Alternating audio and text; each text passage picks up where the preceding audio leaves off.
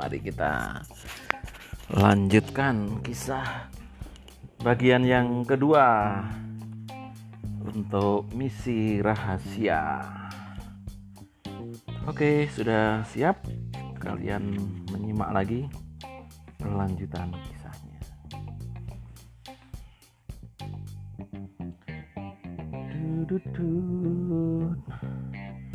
Mengetahui ada keributan dari sebuah bis, kedua polisi itu lalu mendatangi sambil berboncengan motor GL 100. Ada apa ini kok ribut-ribut? Kata seorang polisi yang membonceng sembari turun dari motor. Ada ular pak pada lepas di dalam bis pak. Katanya jawab warga yang ada di sekitar lokasi bis. Ular. Ular apa? Tanya polisi satunya. Ular hitam pak seperti bapak sambung warga itu. Wow jangan sembrono ya. Saya borgol kapok dengan polisi kok mau main-main. Jangan main-main dengan polisi ya. Jawab polantas itu dengan serius. Iya pak, maaf maaf pak. Itu orang yang membawa ular di bis tadi pak, kata orang itu sambil menunjuk ke arah Sukri. Polisi lalu mengambil Sukri sambil tetap waspada. Lihat lah, kenapa ini pak? Digigit ular apa? Tanya polisi agak cemas karena Supri mulai nampak pucat. Ayo ayo pak, saya antar ke puskesmas agar disuntik anti bisa ya. Jawab polisi. Maaf, ajak polisi itu sambil menarik lengan Sukri. Puskesmas bukannya sudah pada tutup ya. Kedua polisi itu lantas berdiskusi. Ini ularnya apa? Tanya Polantas itu sambil menunjuk karung bekas pupuk tadi. Oh, pantesan karung sudah dedel duel kayak gini kok. Lanjutnya. Minta kantong gandum di warung sana. Perintah polisi itu ke salah satu warga. Ngomong, kalau tidak boleh nanti saya borgol. Jangan main-main sama aparat. Kata Polantas itu meyakinkan. Bawa ke rumah sakit saja ya. Paling 3 kilo dari sini, kata polisi yang satunya. Pak, pak, masih ada ular di bawah bis, pak. Teriak salah satu penumpang. Polisi segera terperanjat kaget, sedikit mundur. Sementara itu beberapa penumpang mulai kasak kusuk kalau nggak mau ikut naik bis itu lagi karena takut. Beberapa orang mendesak kondektur minta uang kembali untuk naik bis yang lain. Ada yang mau ganti bis saja tapi bingung barang bawaan masih di atas bis dan tidak berani mengambilnya. Salah satu polisi berbisik kepada orang kepada yang lain. Panggil Banpol. Di pos suruh tangkap itu ular di pos itu. Kata salah satu polisi itu. Banpol pun ditelepon dan segera datang ke TKP. Tangkap ular itu hidup atau mati di bis ya. Aku tidak mau tahu caramu ke Brigben. Ke Brigben itu ya bagaimana. Kata salah satu polisi pada Banpol yang masih terengah-engah. Mana? Mana ularnya? Kok tidak ada? Kata Banpol sambil mengamati dari pintu belakang. Salah satu polisi mendorong Banpol supaya naik ke. Aku belum punya istri dan aku belum mau mati, kata Banpol sambil tetap berpegangan di pintu bis. Wah, dasar Banpol penakut. Ayo naik. Tangkap itu ular, kata polisi yang lain.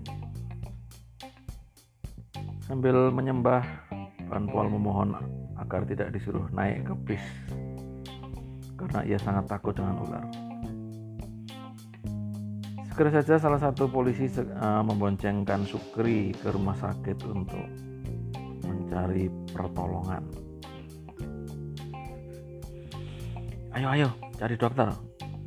Jangan memejamkan mata, nanti kita nanti bisa bablas ke akhirat. Ajak polisi sambil menyalakan motor. Sukri segera membonceng sambil menunduk meringis. Takut kalau ada yang noncok karena emosi. Mereka segera tancap gas ke rumah sakit. Sementara itu kondektur tetap minta penumpang sabar dan belum mau ngasih uang balik ke penumpang. Penumpang terus saja ada yang membujuk kondektur dan menempel terus.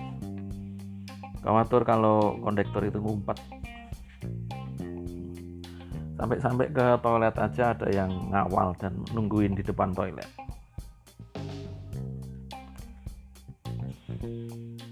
Sesampai di rumah sakit, Sukri lantas dipapah masuk. Di ruangan ada sebuah tempat tidur dan segera Sukri dibaringkannya dia di situ. Mana ini yang jaga rumah sakit ya? kata polisi itu sambil berteriak. Tidak usah teriak-teriak, saya belum tuli. Jawab seorang perawat yang nampak berjalan dari dalam.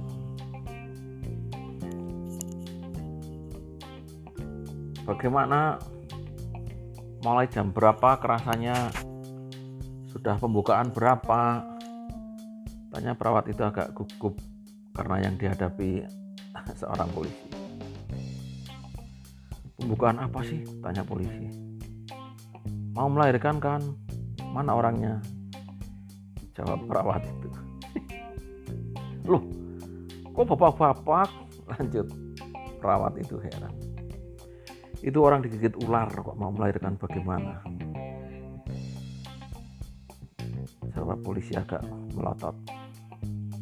Pak polisi, ini itu RSIA, Rumah Sakit Ibu Anak masa suruh ngurusin orang digigit ular kalau ular laki-lakinya sih iya ketawa perawat tersebut menjelaskan. RSI itu apa sih? Tanya polisi agak kesal dibaca dulu pak polisi sana.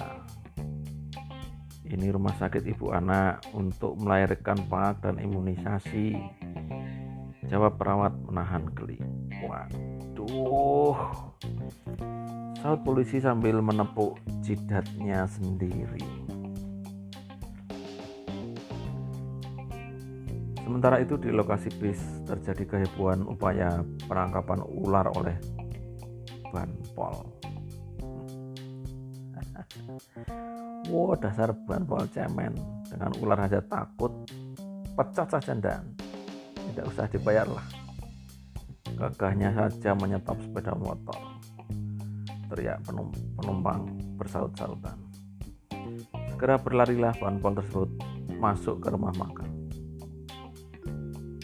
Beberapa saat kemudian muncul dengan tiba-tiba seorang mirip dengan pahlawan bertopeng dalam film seri Crayon Shinchan.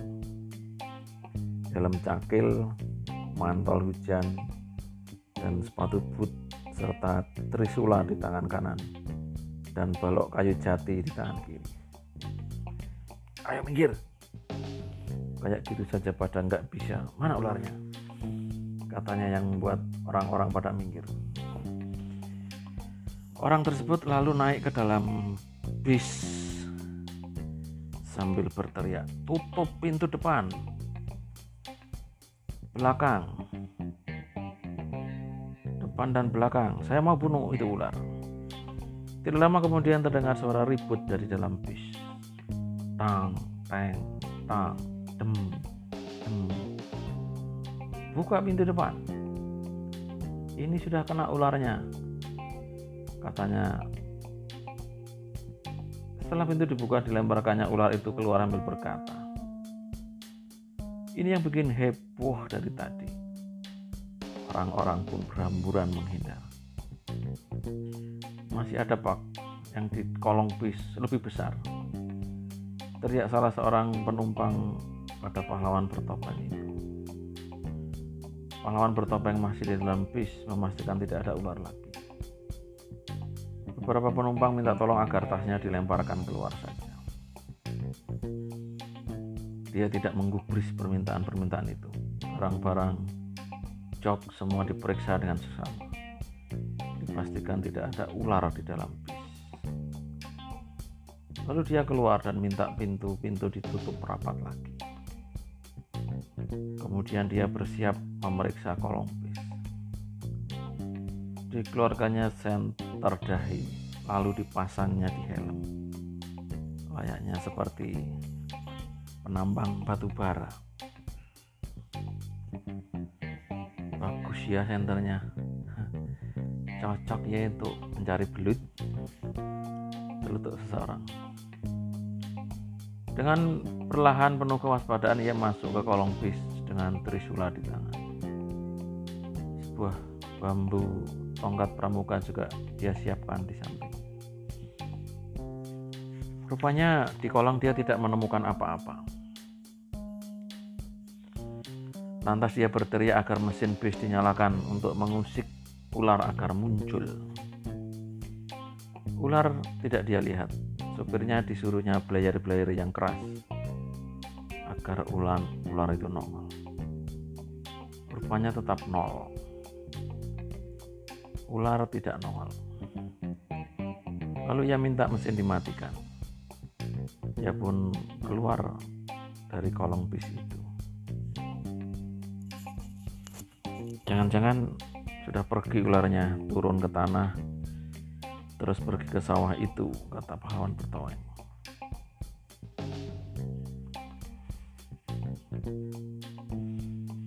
sementara itu di RSIA